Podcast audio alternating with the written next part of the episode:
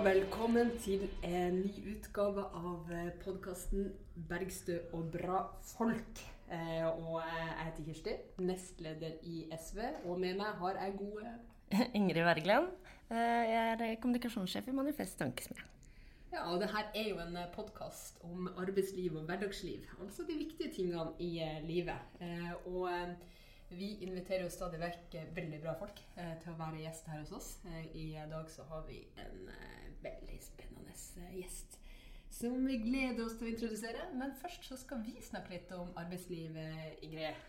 Ja, fordi vi har et fast spørsmål til gjestene våre. Nemlig hva var din første jobb? Eh, og da er det jo et poeng at folk får vite hva vår første jobb var også. Mm. Eh, og ja, kan du begynne, Kirsti. Hva var din, hva var din første jobb? Ja, det er jo et godt spørsmål. Eh, fordi, uh, fordi jeg tar meg sjøl i å tenke sånn som mange tenker. Uh, nemlig når har man sin første ordentlige jobb, på en måte. Ja. fordi at det er jo det er jo mange år der man har jobbet litt her og jobbet litt der. Jeg var f.eks. Dagmamma for tre unger den sommeren jeg sjøl fylte elleve. Hva? Ja. Tre, hvor gamle var de barna? Nei, altså det var vel bare én av dem som brukte bleie, da. Men, um, har du vokst opp på 50-tallet, eller hva er dette for noe? ja, kanskje avsløring av geografiske forskjeller. Men, men det, det, og det er jo en jobb, selv om ikke det var på en måte For du fikk betalt, liksom? Jeg, jeg fikk jo betalt, eh, men Og det var ikke søsknene dine? Så det var jo noen Nei, det var det ikke. Nei. Eh, men det var jo ikke kontrakt og avtaler og den typen ting. Men for å være helt ærlig så tok det ganske mange år eh, med jobb før man kom inn på en ordentlig kontrakt. Altså Innimellom så var det jo det òg. Men jeg jobba bl.a. fem år på Byggelkinoen. Ok, Hva ja. gjorde du der, da? Nei, Da bar jeg inn utstyr, og så rigga opp det her eh, den fremviseren. Filmfremviseren ja. og rullene og sånn? Ja, og Satte på ruller og Hvor gammel var du da? Jeg, jeg begynte vel der da jeg var tolv, kanskje. Ja. ja. Og så måtte jeg dessverre slutte fordi eh, min, eh, han som drev med, han døde. Da mistet jeg jobben min. Eh, der hadde jeg heller ikke kontrakt, faktisk. Men mm. jeg fikk jo lønn og jeg holdt på å ta sånn her kinomaskinistsertifikat, faktisk. Ah, ja. Så hadde ting gått annerledes i liv, så kan det hende at jeg hadde vært hjemme i Nesseby og kjørt rundt i bygdene og drevet med bygdekino. Ja. Og så har jeg vært støttekontakt. Det var jo med eh, kontrakt. Ja, det var i kommunen, da. Sant, det var jo kommunen. Ja. Eh, og, og så rengjort gulv. Jobba med å rengjøre gulv hos folk. Men den støttekontaktjobben, eh, hvor mye var det, da? Nei, men det var sånn eh, Mens du gikk på videregående, eller? Ja, første ungdomsskolen. Og så, oh, ja. så videregående. Ja. Uh, så på videregående så, så, var jeg borteboer. Altså hjemme i, Der som jeg kom fra i Finnmark, så flytter alle hjemmefra for å gå på skole. Så da må du jo jobbe ved siden av. Mm. Da hadde jeg den bygdekinoen. Så passa jeg unna, og så gjorde jeg rent. Hvor vaska du, da? Det, det, var i private hjem hos folk som ikke hadde helse til å, uh, til å uh, gjøre alt hjemme sjøl. Så det var så via kommunen, da? eller? Nei, det var ikke det. Det, var, det var, privat. Ja. Så det gjorde vi sikkert også en sånn fem års tid. Um, og så uh, var jeg innom det lokale feltslakteriet. Oi, hva gjorde du der? Uh, jeg var kjellerarbeider. Uh, det betyr at du, du lemper reinskinn og, og, sørger for at de kommer på riktig sted. og at det som er av slakteavfall, havner der det, der det skal. Um, så har vi jobba i pub. Pub-utelivsbransjen. Det var Men, også mens du gikk på videregående, eller? Nei, det var Nei, det, det var, du må, må være 18, ja. Ja. ja. Åpenbart. eh, men eh, det var faktisk også uten kontrakt. Ja. Eh, og der husker jeg en veldig alvorlig episode, fordi eh, det var kjempeuryddige forhold. Det var helt umulig å vite når man skulle jobbe, ja. Eh, og hvordan vaktlista de var eh, for nærmeste ukene eller måneden, for den saks skyld. Og så ville sjefene at, at vi skulle betale skatt, men uten kontrakt. Eh, og så var det jo helt Det var bare helt, eh, helt eh, Texas eh, på denne, eh, på denne. Veldig lite eh, opplæring. Hvis vi hadde blanda drinker feil eller veksla feil, så ble det trukket av lønna. Så alt var, alt var eh, ille. Og så en dag så eh, holdt jeg på å lempe noen, noen ølkasser inn i, inn i et sånn lagerrom. Og da kommer det fanken en fyr bakfra og gremper. Ja. Eh, og da Altså, hva, grabber Altså, rumpa der? Ja. Ja. Eh, han rundt, eh, rundt eh, pupp. Eh, åpenbart Nei. han ta for seg her.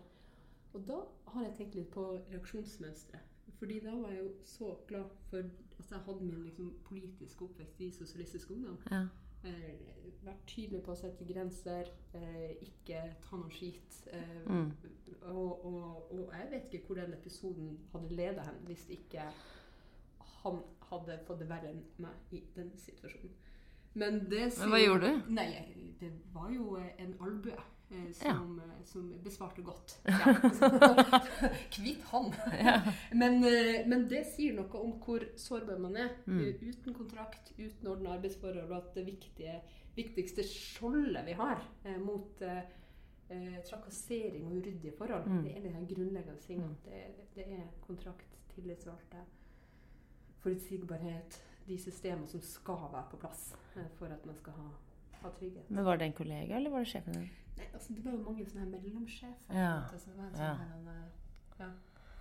Og, og så er det jo klart at man kan oppleve mye rart også med kontraktordna forhold, men da har du et system for, Mm. oss, å, for å ivareta det.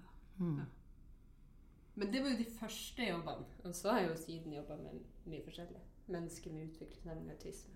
Krisesenter for voldsutsatte kvinner. på Nav. Hjelpetjenesten. Men Ja. det var jo etter at jeg ble sosialarbeider. Ja. Mens de her første årene i arbeidslivet er noe som ofte definerer um, mye av hvordan du ser på deg sjøl. Ja. Om du tenker at du skal um, Ja, om du tenker at det er uh, et sted der du har noe å si eller ikke. Mm. Uh, og Derfor så syns jeg jo noe av det fineste man kan gjøre, det er å liksom være ute med sommerpatruljen til LO. Mm. Og snakke med unge i arbeid om hvilke forhold de har på, på sommerjobben sin eller på jobben sin. Mm. Eh, og sørge for at folk ikke rett og slett tar så mye skit. For jeg tror det er livsfarlig å bli opplært i et eh, arbeidsliv uten, uten ordna forhold. Ja. Mm.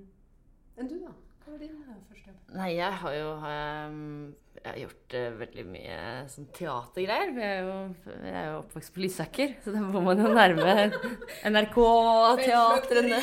eller teater?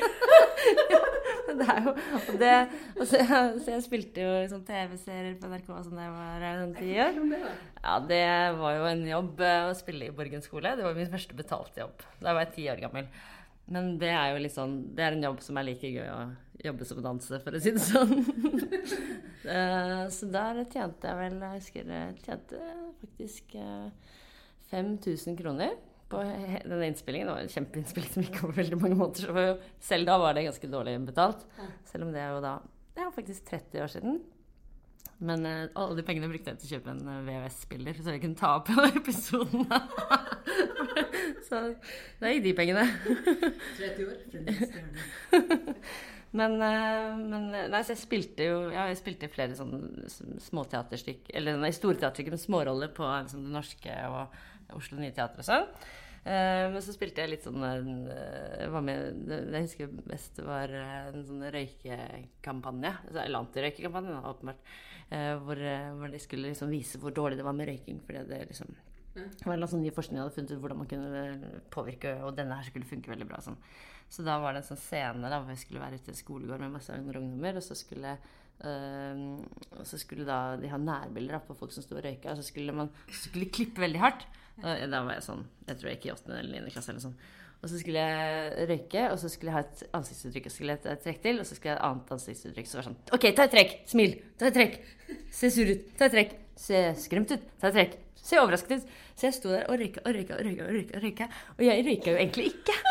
Så jeg ble så ekstremt dårlig. Og vi hadde hatt, vi hadde hatt pizza i lunsjen, og jeg bare kasta opp utover hele Fagerborg skolegård.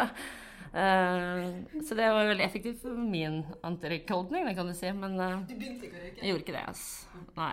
Neida, men eh, det, var, noe- så det var jo sånne gøye teaterfilmgreier som jeg drev med liksom, i ungdomsskoletiden og sånn. Eh, Følte du at det var en jobb? Ja. For at Nei. at det var sikkert kjempekonkurranse om å være med i de sykt gøy. Ja, ja, det var audition, og det var jo Ja, men det var jo men det, altså, I definisjonen arbeidskontrakt og betalt, så var det jo en jobb. Det var det jo. Og, men det var jo jeg har jo, har jeg en veldig sånn selektiv hukommelse, jeg husker jo bare positive ting. Men eh, så jeg husker Altså, det var jo oppmøte, og vi måtte jo dra dit, jeg måtte jo være der og sånn. Men det var jo ting. Eh, Røyke til du spyr. Men sånn, Spilte 'Mormor og Drastungene på Oslo Nye Teater med Anne-Kat. Vestli som mormor eh, på scenen. Ja, veldig flott. Og da var det jo tre ettermiddager i uka hvor jeg dro inn og gjorde det istedenfor å gjøre andre ting. Da. Men det var jo ikke noe, det var ikke noe stort offer, akkurat. Det elsket jo. Det var kjempegøy. Men um, ja, så det liksom, da jeg ble litt eldre, så husker jeg sommerjobb øh, på folk... Men jeg bare tenker, Ja. jeg bare tenker at siden du sikkert er veldig hard konkurranse, og mange Ja. ønsker sånn type jobb, så er det jo også sikkert veldig lett å ja, Akkurat barnet blir jo sikkert Ja. på Ja. være i NRK-produksjon. Ja. Men det er jo sikkert også veldig lett at det blir en sånn veldig eh, kamp om å eh, ikke akkurat stå på kravet. ja, ja, ja det, det tror jeg nok. Nå er det jo Jeg tenker at det må være i de som har sitt levebrød i de yrkene. ja, Det tror jeg er kjempetøft. Mm. Ja. Men det Så blir du eldre, og så havner du på Ja, så klarte jeg å komme ut av skråplanet, som det jo faktisk egentlig er. Teaterskjeen er jo skrå. Um, nei, men eh, jo, etter, eh, etter andre gym så jobbet jeg på, på Folkemuseet som guide. Det var jo også veldig slack og behagelig og fin, velorganisert jobb. Inn i Statens pensjonskasse, og det var ikke måte på ryddighet, altså. Det var skikkelig flott. Og det var også en veldig behagelig jobb. Det var jo liksom sitte ved et tun fra et eller annet sted i Norge i den folkedrakten som passet til akkurat dette tunet. Så satt man der og må gjerne drive med håndarbeid, sa de. Så jeg satt og sydde litt, og da koste jeg meg. Så så... Begynte du å sy da? Eller kunne du? Kunne du? Nei, jeg kunne brodere litt. Altså, så fikk jeg broderte litt på, noe, på det som skulle bli bunadsskjorta mi. For jeg hadde arva en bunad av farmoren min, og den var så utrolig slitt. Så jeg måtte liksom lage en ny. Men jeg monterte den ikke, sånn, men jeg broderte liksom det. Ja. Uh, ok, men så det var også en veldig, veldig slack og fin og behagelig jobb, og veldig ryddige forhold. Og så år, et par år senere så hadde jeg sommerjobb på mm, Da hadde jeg vel vært ute og reist på backpacking, da, som mange i min generasjon har gjort. Jeg har vært ute og reist rundt i verden. Eh, Så da hadde moren min, da, som jo ordentlig og grei hun er, hadde ordna meg sommerjobb på det lokale sykehjemmet. Som jeg da kom hjem til. Og der var jeg da pleieassistent først da den sommeren, og så litt sånn tilkallingsvikar utover resten. Og der var vel kanskje en av de Det var, det var Ja, jeg vil si det er mer min første ekte jobb, for de andre jobbene her var jo veldig, ja, veldig bedagelige. Eh, da, altså Som pleieassistent så er man jo ja, lavest i et veldig sånn strengt hierarki, som man jo har på, på sykehjemmet. Veldig eh, Jeg kunne jo ingenting om disse tingene, så jeg kunne jo gi omsorg og, og sånn, men, men det ble jo veldig sånn detaljinstruksjon i hvordan man gjør ting. og veldig så ikke minst var jeg veldig usikker, da, siden jeg ikke visste så mye om, om, om systemet og sånn. Eh, og siden jeg da også var da tilkallingsvikar, så, så tok jeg jo alle vaktene som, som dukket opp, uansett om, jeg, om, om det egentlig passet til det jeg hadde tenkt å gjøre, eller selv om jeg var kjempesliten osv. Og, og når man er da som tilgangsvikar, så er det jo ingen som passer på det som jo fins i arbeidsmiljøloven med liksom hviletid mellom vakter osv. Da tar man jo bare det man kan. Også som Jeg var jo student også, så jeg var jo veldig desperat etter å jobbe mest mulig, da. Du visste kanskje ikke om de reglene? Visste vel heller ikke om de reglene. Nei, gjorde ikke det. jo ikke det. Nei, Det er jo ingen som forteller det. Nei, og om jeg hadde gjort det, så ville jeg jo ikke antakeligvis brydd meg om det heller. ikke sant? Fordi jeg var så ivrig på å tjene mest mulig penger, selv om det gikk utover min egen, uh, mitt eget velvære, holdt jeg på å si. Um, men uh, Husleier vil være, ikke sant? Husleie Ja, nå tenkte jeg faktisk på liksom det med søvn da, og hvile og sånn. Men, eh, men jeg likte veldig godt jobben. da. Det var veldig fine folk som jobbet der, og det var veldig meningsfullt å jobbe med menneskene der, og det å være til hjelp. Og jeg har noen ganske sånn eh, et par, par damer av de eldre altså beboerne som jeg husker veldig godt. Jeg husker det var en dame som var det var i Bærum, da, som var en ganske sånn fin, og pen og skikkelig dame liksom, som var eh, nok har vært en ganske elegant eh, dame tidligere. Nå var hun ganske sped og trengte jo hjelp til å, å, å vaske seg. Jeg husker så, jeg vet ikke hvorfor jeg husker det så godt, men jeg husker at hun var så utrolig opptatt av å bli vasket rundt munnen veldig nøye. Hun var veldig opptatt av det, og da husker jeg var sånn, det betydde veldig mye for henne. Men husk nå, men vaske, vaske meg rundt munnen. Av en eller annen grunn så husker jeg det veldig godt. Um, jeg husker også en For det annen kunne gå og gjøre selv. Nei, hun trengte jo hjelp til å bli vasket, da. Uh, så var det en, en annen kvinne som var ganske overvektig. som jeg husker godt. Hun var eh, fjern. altså Hun var antakeligvis veldig lang fremskriden Alzheimer eller sånn. Eh, og hun, så hun måtte, måtte også sitte i rullestol. Hun var ikke noe særlig bevegelig. Og da husker jeg at vi fikk beskjed om at hun skulle ikke ha så mye mat. Altså Hun skulle rett og slett slankes. Eh, og det, det føltes jo veldig rart, for det var ikke liksom at hun hadde meldt seg på noe Grete Rode-kurs. Liksom. Men hun var jo hun skulle bare ned i vekt, fordi det var, jo, det var jo dårlig for hennes helse å være så stor som hun var. Og i tillegg var det jo veldig slitsomt for hjelperne. da. Men den følelsen at denne kvinnen på en måte bare var var kjøtt, da. Eller sånn, det var, altså, vi var jo vennlige med det, er ikke det. Men, men det var liksom ikke Det var ikke noe dialog med henne rundt dette. Det føltes Fordi hun veldig ikke kunne Nei, hun- nei, nei, nei, det kunne hun ikke. Nei. Ja. Så vi, og hun fikk jo på en måte bare den maten vi serverte, men da var det, liksom, da var det da en aktiv sak at vi skulle gi henne mat, eh, altså færre kalorier enn hun egentlig trengte. da. Og jeg tror ikke, jeg tror ikke hun altså jeg tror absolutt ikke hun led og ble sultet, det er ikke det jeg mener, men, men det, var, det var en veldig ja, merkelig relasjon da, å ha til, til en annen person. Og det er jo en sånn situasjon at, det- som kjennes litt rart eh, i, når man er der som, som hjelper. Mm, Eh, mm. mm. Du- og, i hvert fall hvis man er sånn ekstravakt og ikke er en del ut av hva. Mm. Ja, ikke sant? Ja. Og nødvendigvis vet hvorfor, hva er bakgrunnen for alt det her. Så Ja. man på en måte den som bare utfører noe man ikke nødvendigvis kjenner bakgrunnen. Ja, nettopp. Ja. ja. Kom på nå at jeg også jobber litt på, på sånne eldresenter. Ja. Helsesenter. Det glemte i sted. Mm.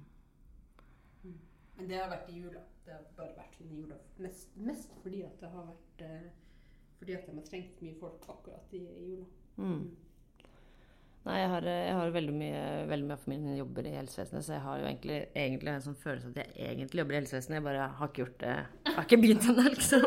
Så det, jeg veldig sånn identifisert meg veldig med den jobben og den, den arbeidssituasjonen. Kanskje ikke ende opp med å jobbe i helsevesenet igjen. igjen. Eller en gang gjøre det. Jeg vet ikke, jeg ser for meg det. Når du finner real me. Meg selv. På tide å ønske gjestene våre velkommen, kanskje? Kanskje det. Hvis du eh, føler at du er ferdig med dine første, første jobber, Ja. eh, ja, så kan vi jo eh, altså, det, er jo det er jo så mange eh, forskjellige eh, jobber eh, som er utrolig spennende. Og i dag så har vi en, en av de kanskje aller tøffeste som jeg, som jeg kan tenke meg, som er med oss. Og som jeg sa i sted, så er det jo noen ting som som er viktig eh, hvis du skal føle deg trygg på jobben, at du har kontrakt, at, at liksom reglene holdes, at, eh, at ting er på stell. Eh, og det alle, eh, noe av det aller viktigste da, det er å ha trygge tillitsvalgte. Eh, og da er det på tide å ønske velkommen til vår eh, dagens gjest, eh, Anna Lund Bjørnsen. Det er en stor glede og en ære å ha deg med i samtalen vår i dag. Kan ikke du fortelle hva du jobber med? Takk for at jeg fikk komme. Det er en stor ære. Jeg jobber som eh, brannkonstabel. Så da er jeg røyk- og redningsdykker på Briskeby brannstasjon i Oslo brann- og redningsetat.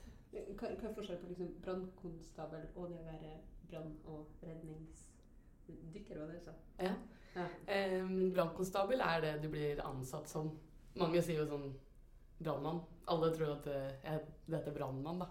Men du blir ikke ansatt som brannmann, på en måte. Og det er flere grunner til det. Men for det første så må du ikke være mann. Men også fordi, men også fordi det fins jo forskjeller på de ulike stillingene innad på arbeidsplassen vår. da. Så det er jo de som er brannkonstabler, som på en måte er eh, nederst på gulvet, som vi kaller oss sjøl. Og så er det jo etter hvert så kan man bli underbrannmester, brannmester, brigadesjef. Ja, så du kan på en måte endre stilling, da. Det hørtes litt sånn militært ut, nesten. Altså, Ja, mange grader. Ja. Litt militært. Ja. Det er stjerner og Ja, det er det, ja, forskjellige farger på hjelmer og mm. Hva har du når du er brannkonstabel, da? eh, Da har vi gul hjelm og ingen stjerner. Ok, Men når du er sånn dykker Eh, da er du fortsatt brannkonstabel. Ja. Men det er liksom ulike retninger du kan ta innenfor innafor konstabelyrket. Du er en stjerne, ja. Ja. Eh, ja. Hvis dere sier det. Jeg vet jo at du er det, fordi jeg har besøkt deg på jobben min. Eh, Nei, deg på jobben din, heter det. Eh, Og da hadde jeg med et, par unger. Eh, og tro meg, du er en stjerne. det er få som, som liksom vekker mer beundrende blikk enn en, en brannkonstabler med Mm. store biler og alt som hører til. Men uh, vi har jo kjent hverandre i, i flere år, for du, du har jobbet uh, litt i Manifest uh, tidligere. Så jeg husker jo at du søkte deg inn på brannkonstabelutdanninga. Du søkte flere år før du, før du kom inn. Altså, Hvorfor var det så viktig for deg å bli, bli brannkonstabel? Um, eller for det første så er det ikke en brannkonstabelutdanning. nei, Så du ja, søker beklager en stilling, Ja. egentlig. Ja, ja. Men det er for så vidt i endring. da. Det skal bli en brannskole som du kan søke deg Ja. på. Men nå får du egentlig bare en stilling, og så får du utdannelse. Okay, ja. Eh, men eh, nei, hvorfor det var viktig? Jeg har alltid vært eh, en med liksom glad i å være fysisk aktiv, da. Mm. Og altså spilt veldig mye lagspill. Fotball. Eh, jeg føler at jeg Eller er på en måte en sånn lagspiller, da.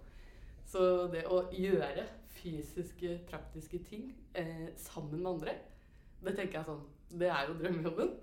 Eh, I tillegg så er det så tenkte, eller jeg så for meg da, at det er, det er jo et veldig sånn meningsfylt eh, yrke. Ja. At eh, Hva gjorde du på jobb i dag? Eh, og så kan du svare jeg eh, redda et liv, eller jeg sørga for at det ikke var så mye oljeutslipp i Akerselva. Eller altså sånn Vi redder miljøer, og Ja. Eller sånn Vi sørga for eh, at folk føler seg velbevart. At det er veldig meningsfylt. Og det er jo mer på en måte meningsfylt å si det enn at man har sendt noen e-post eller ja, det jeg drev med før, da. Så jeg er veldig takknemlig Eller jeg- ja, det var på en måte det som appellerte til meg. Da, at det, du kan gjøre en veldig konkret forskjell her og nå. Mm. Så vil jeg jo tro at det å være på en brannstasjon blir litt lagspill. At man liksom er avhengig av, av det. Du, ja, du gjør jo aldri noe alene. Og det er på en måte den, det laget da, og den lagsammensetninga på stasjonen eh, som gjør på en måte at du klarer å løse oppgavene på en god måte. Så det appellerte veldig til meg da jeg søkte. Men når du sier at du søkte på en stilling, egentlig, så var det ikke sånn at du skrev et brev? Fordi, eller det gjorde du sikkert også, da. Men du, det er jo opptaksprøver, som jo er ganske vanvittige. Kan ikke du fortelle litt om de opptaksprøvene? Um, det er to dager Nei, det er flere dager eh, opp gjennom en høst da, med testing. Ja. Så er det alt fra Altså, du sender inn søknad. Det var jo 500 søkere, ikke sant? Og så blir kanskje halvparten plukka ut til å løpe 3000 meter rundt Sognsvann eh, på en viss tid. Og ut ifra de karakterene du får på de testene du tar, da, så blir det liksom bestemt om du går videre til neste test eller ikke. Så du må jo prestere hele tida, da. Og så er det videre fra løpetesten, så er det, var det en hel dag med fysiske og psykiske tester. Altså klaustrofobi, høyde, Mm. eh, praktisk Ja, hvordan, hvordan er klaustrofobitesten? Da får du på deg røykdykkerbekledning Ja. og den flaskepakka vi bruker da, på ryggen, og maske og hjelm. Og så er den maska helt blenda, så du ser ingenting. Og så blir du på en måte bare sendt inn i en liten labyrint, da. Som de sier sånn Du skal inn i dette røret. Eh, du skal komme deg ut av dette røret. Det kan hende at det blir så trangt at du må ta av deg det du har på ryggen, da. For å komme gjennom, på en måte. Og da vet du at da kommer det til å skje. så da må du på en måte bare føle deg fram da, gjennom et rør, eller altså gjennom den her installasjonen som de har lagd. Eh, kravle opp og ned, høyre, venstre, ja, litt tilbake fordi man har gått feil. Og så eh, ja, ta av seg den pakka da på ryggen, dytte den først gjennom røret. Så det er jo Altså det er jo ikke veldig komplisert, men det handler om å bevare roen, da. Mm. Ikke veldig Også, komplisert, det er ikke veldig komfortabelt heller.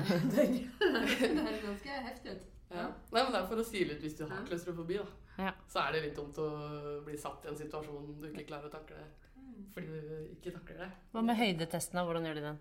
Ja, det er å ehm, eh, Da måtte vi gå i toppen av eh, stigebilen, da. Den kjører den kurven helt opp på toppen, og det er jo 32 meter opp. Ja. Så går man i stigen oppover, og så skal du stå i den, sånn, den kurven og så ha en normal samtale med en eh, annen person der oppe, da. Ja. Så det Det er ikke noe sikkerhetsnett under den stigen? Nei, men vi har sele. Ja, ok. Det er ikke sånn naturlig seleksjon her at de som bare Det var godt å høre det, selv. Det var betryggende. Så det er den altså- normale samtalen som er testen, ja. Veldig Mm. fysiske tester. da. Med å gå på, det er sånn tredemølletest og pushups og knebøy og dra dokker og ja, bevise at du har lyst på jobben. Og, Ja. også, men hele veien også så er det da ulike folk som vurderer deg. Kanskje åtte ulike mennesker du møter i løpet av den dagen. Mm. Og det er veldig sånn, veldig sånn personlig vurdering òg, da. Så alle på en måte noterer både sånn resultat på test, og så noterer de Er denne personen egna? Er den på en måte en god kollega? Eh, funker dette samspillet og Mm. samarbeidet bra? Mm. Så det er veldig sånn helhetsvurdering, da. Men du er jo veldig, veldig sterk og rask. Og svømmer fort og alt mulig. eh, Åpenbart. Men, eh, men eh, menn er jo litt raskere og sterkere enn kvinner likevel. Hvordan, eh, hvordan funka det for deg da? Eller har de lagt opp er liksom ulike krav for menn og kvinner? Eller hvordan funker det? Nei, det er samme krava. Eh, Det er jo ikke sikkert at eh, alle Jeg tror ikke alle menn er sterkere. Nei, nei, det var veldig generaliserende. Men, men menn har potensial til å være sterkere enn kvinner. Det, det må være lov å si. ja, det stemmer. Fordi det her kan jo ikke dere som hører på se, men eh, Anna er dritsterk. Takk. Eh, det er like krav, Ja. og det er vi, vi veldig opptatt av òg. Ja. At uh, vi kvinner i brann og redning, som er et nettverk som vi har starta uh, Fordi det fins minimumskrav da, for Mm. hva du skal kunne Som Arbeidstilsynet definerer Mm. for å kunne røykdykke. Ja. Og det handler om uh, utholdenhet og styrke. Mm. Og, det å på en måte, og de testene her da, er basert på det minimumskravet, blant annet. Mm. Så det er på en måte å- Det handler om at eh, kollegaer skal være helt trygge på at den de har med inn i Mm. når de røykdykker, er i stand til å ja, dra, dra kollegaen ut, f.eks., hvis det skulle Mm. oppstå noe. Mm. Eller at du, du eh, Det er ikke noe tvil om at du klarer det samme som de, eller det klarer det minimumskravet som er satt.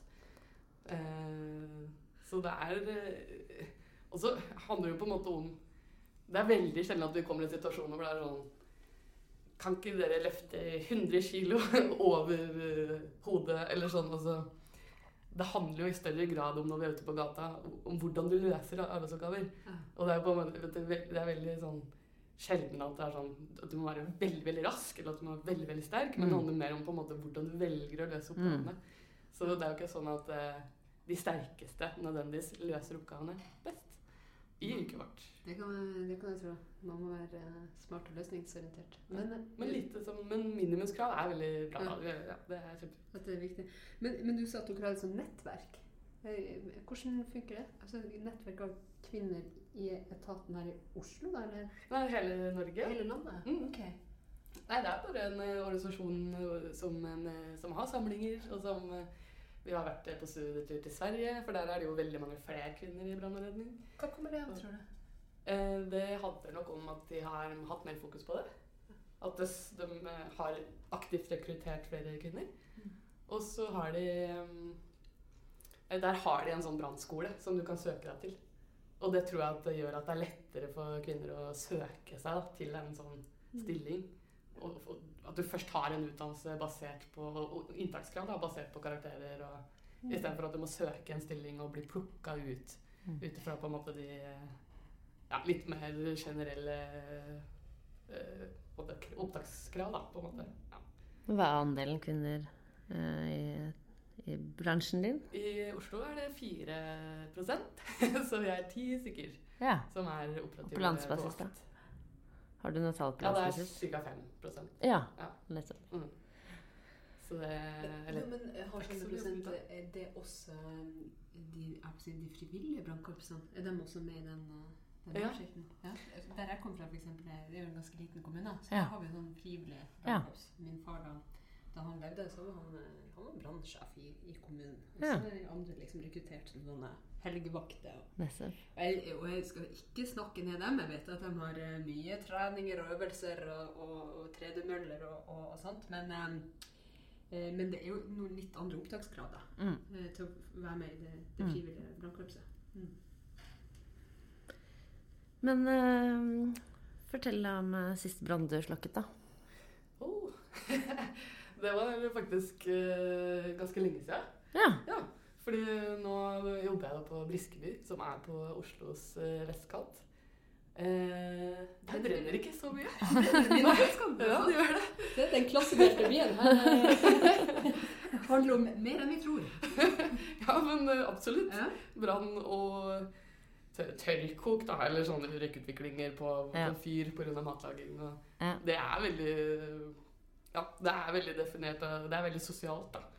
Eh, vi kaller på en måte De som stort sett dør i brann i, Oslo, er jo på en måte det vi kaller for utsatt gruppe. Ja. Som er eh, eldre hjemmeværende, eller som er eh, ja, innvandrere, minoriteter, asylsøkere som bor litt sånn kummerlig. Arbeidsinnvandrere fra Øst-Europa. Mm. Fysisk eller psykisk utviklingshemmede. Så det er jo veldig sånn eh, sosialt da, hvem som blir ramma av brann. Mm. Og vi har jo det, altså det er ikke at det ikke brenner på vestkanten, men det er gjerne litt sånn begrenser seg til leilighetsbranner eller på en måte helt veldig enkle kjøkkenbranner. da. Vi drar så mye på på en måte sånn vannlekkasjer og litt sånn andre typer oppdrag da, Mm. enn eh, kun liksom brann. Du nylig med noe oljesøl, var det ikke det? Ja, vi ble kalt ut på eh, oljeutslipp i eh, Akerselva. Så da var det ut med båt Ja. og legge lenser for å hindre at det spredde seg utover i Oslofjorden. da. Hvor det oljen kommet fra, da? Det kom fra en bedrift på Ulven Oi. hvor det hadde vært innbrudd. Oh, ja. Mm. Noe kobberrør som hadde blitt stjålet. Oh, Så hadde det stått og lekket veldig lenge. Kobber har visst en veldig bra pris, jeg har Ja. Jeg har sett eh, The Wire. Da stjeler de mye kobberrør. eh, ikke vet jeg, men Jo, det har lett lært på TV. Det er veldig greit at du nevnte elva nå. ja. det ja, eller elva der var, var La elva leve. Det er viktig for oss. Nå gikk det jo gjennom hele elva og ut uh, fjorden, da.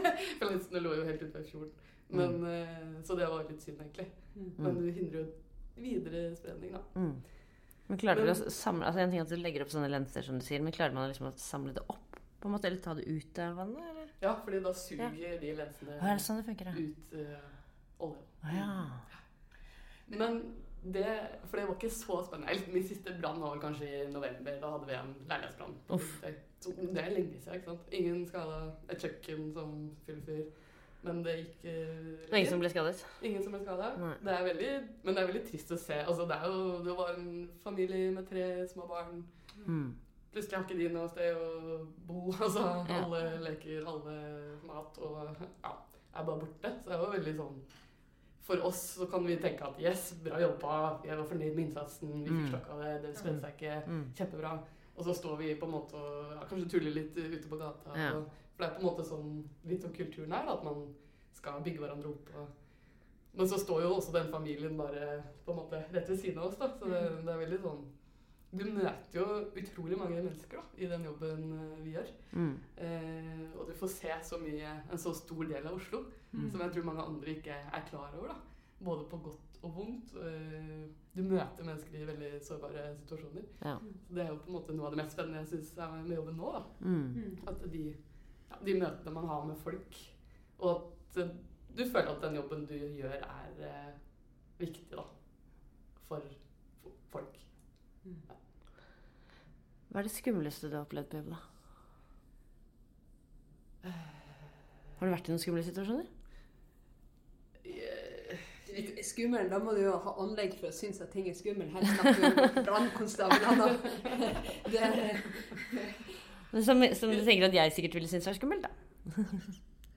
jeg, jeg, poenget er jo at eh, hvis du kommer i en situasjon som du syns er skummel, da er det jo på en måte noe som har gått litt feil. Ja. Fordi vi får jo opplæring og utdanning til å takle sånne situasjoner. Ja. For eksempel så har jeg nettopp blitt utdanna redningsdykker. Ja.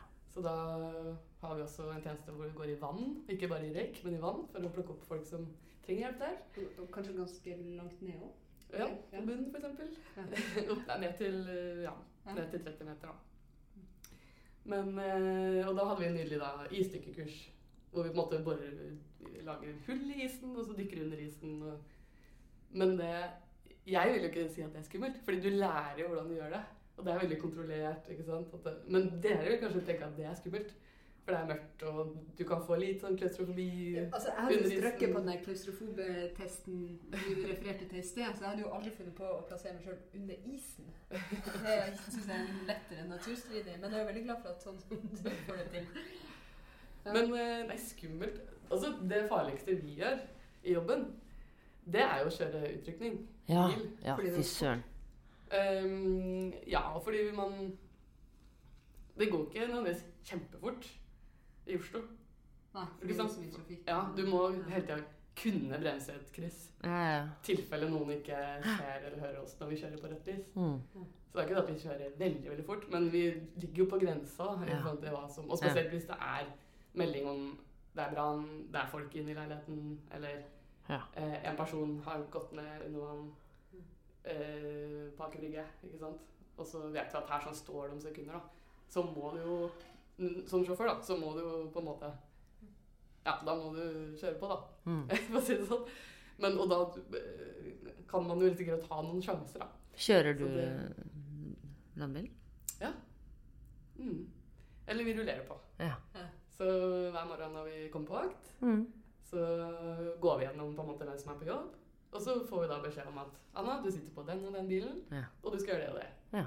Og da vet jeg på en måte, ok, det, da kan man innstille seg litt sånn Mm. på ok, det betyr at jeg har disse oppgavene. Hvis det brenner, skal jeg gjøre det. Hvis det er noe som Mm. drukner, så gjør jeg det. Mm. Og så legger du på en måte på bilen ut fra den oppgaven du har, da. Så man, alle kjører, og alle gjør alt da, på en Ja. måte, på en bil. Bortsett fra lederfunksjon, da. Mm. Da må du ha litt ekstra utdannelse. Men har, du, har du vært ute for um, sånn nestenulykker eller eh, kjipe hendelser i, i utrykning? Altså knytta til trafikken? Da? Nei, bare småblikk og riper, heldigvis. Ja, jeg har ikke vært involvert i det. Men eh, det har jo skjedd, eh, det òg. Eller Mm. det skjer jo titt og stadig, det. Mm. Det er jo Spesielt på vinteren så er det jo biler parkerer veldig langt unna fortauskanten. Ja, på av snø, Ja, når det ikke er brøyta. Så det gjør at det blir eh, utrolig trangt. Og Ja. når det er glatt i tillegg, Ja, så er det ja, noen ganger vanskelig, og du har det travelt, så er det vanskelig å unngå da, å ri opp biler og ja.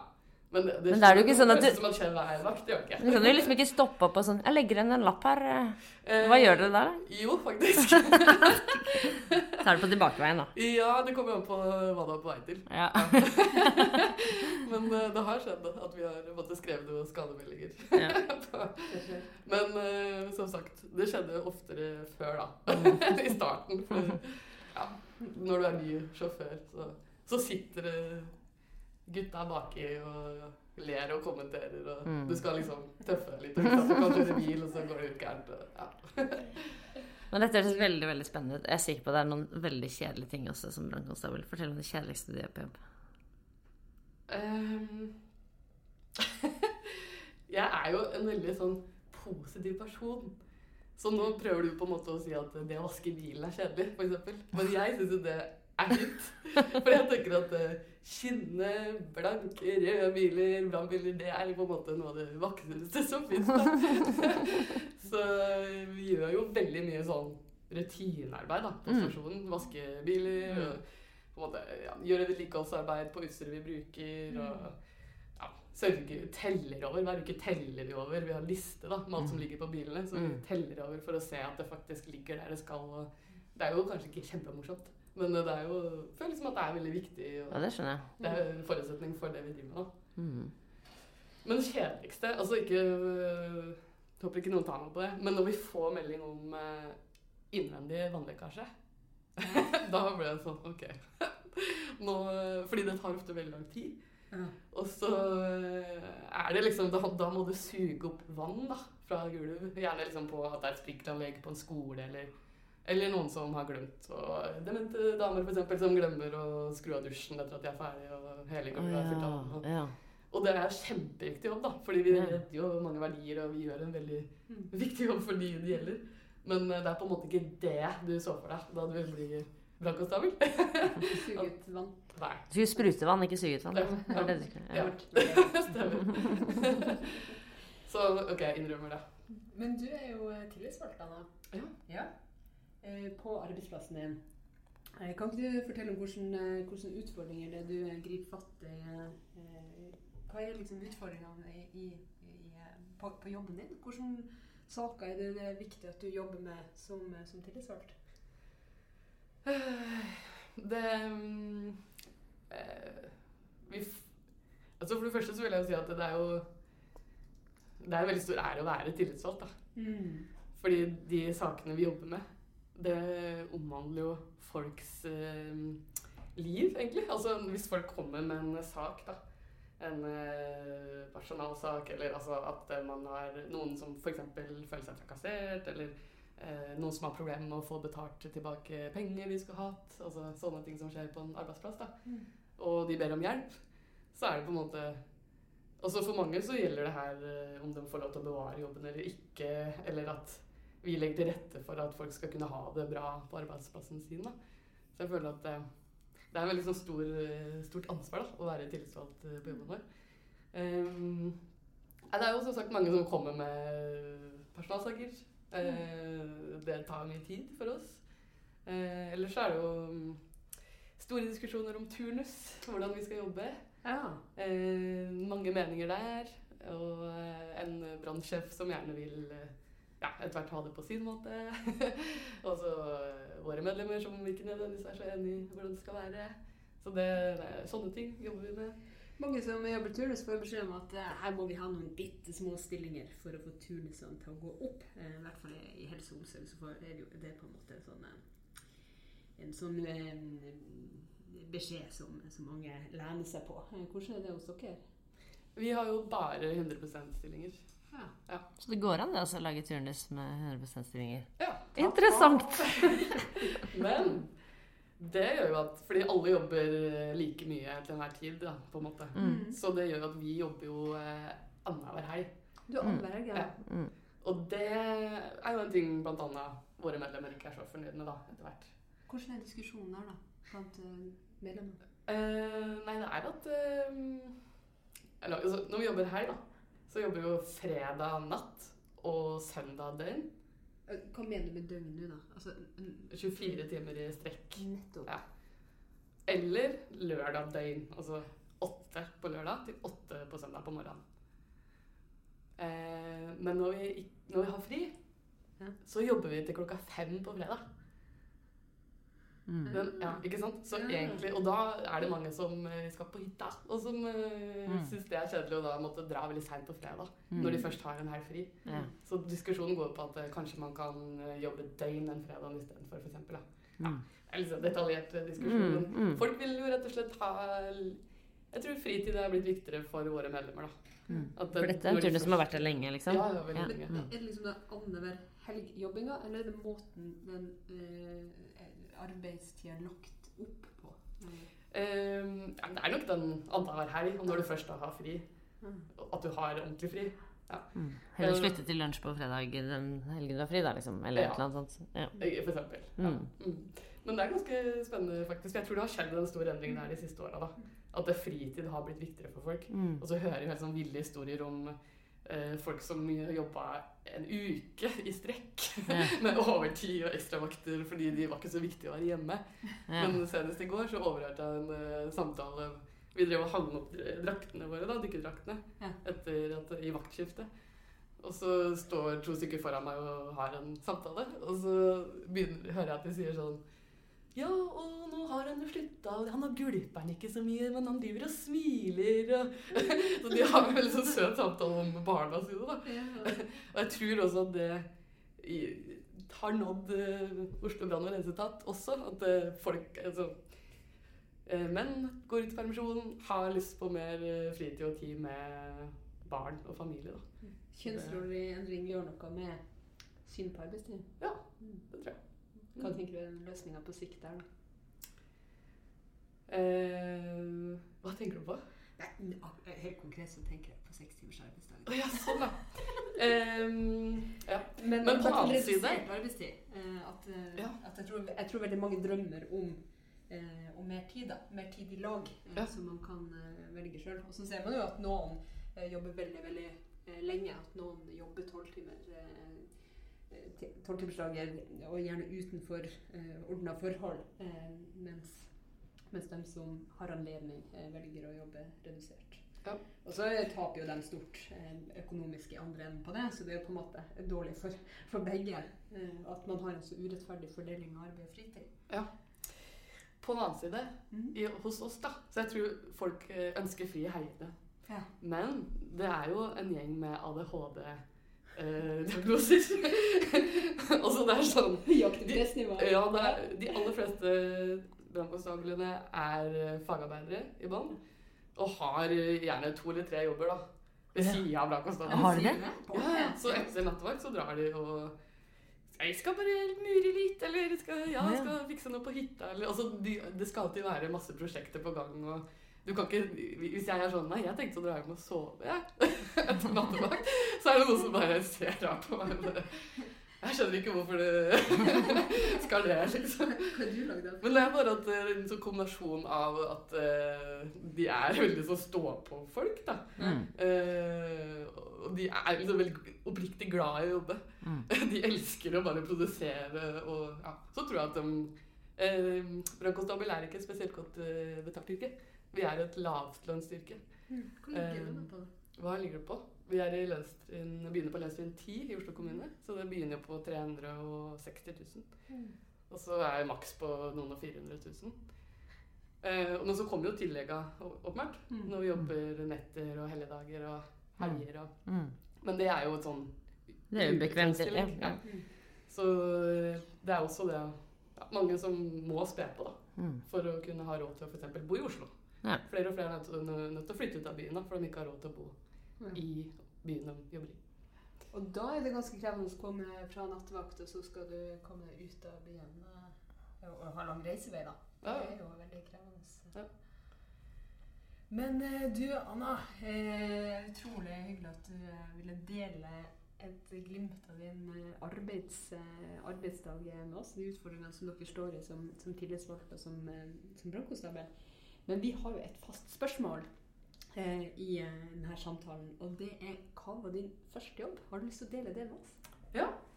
Eh, da var jeg svømmeinstruktør Oi. og lærte små barn og babyer og eh, deres voksne, eh, deres foreldre, å svømme.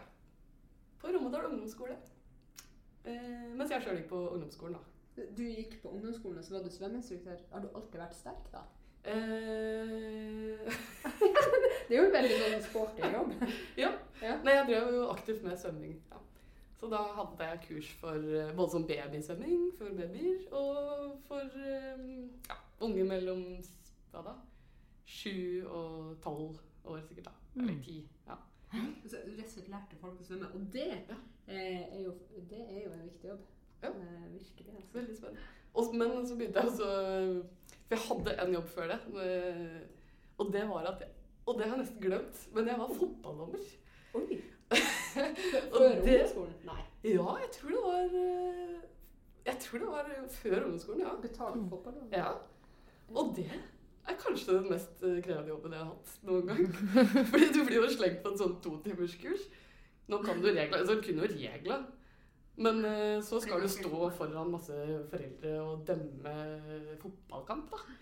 Og de er ikke snaue i hva de roper ut. Det var en gang jeg dro hjem og gren etter at jeg hadde drept fotballkamp. Ja. Nei, det var eh, veldig mange stygge rop fra Få opp øynene, dommer! I en sånn jenter ti år mellom Stange og Ildseng. Harde lokale oppgjør. altså, det hender jo man får noen trusler eh, for så vidt som politiker, men også som sosialarbeider. Men jeg tipper fotballdommere. Dem, eh, ja, det kan jeg levende Ja. forestille meg. Ja, nei, det var det var foreldrene, da. Ja, foreldre. Ja, ja, ja. det kan. De, De barna. de syns jeg var kjempeflink.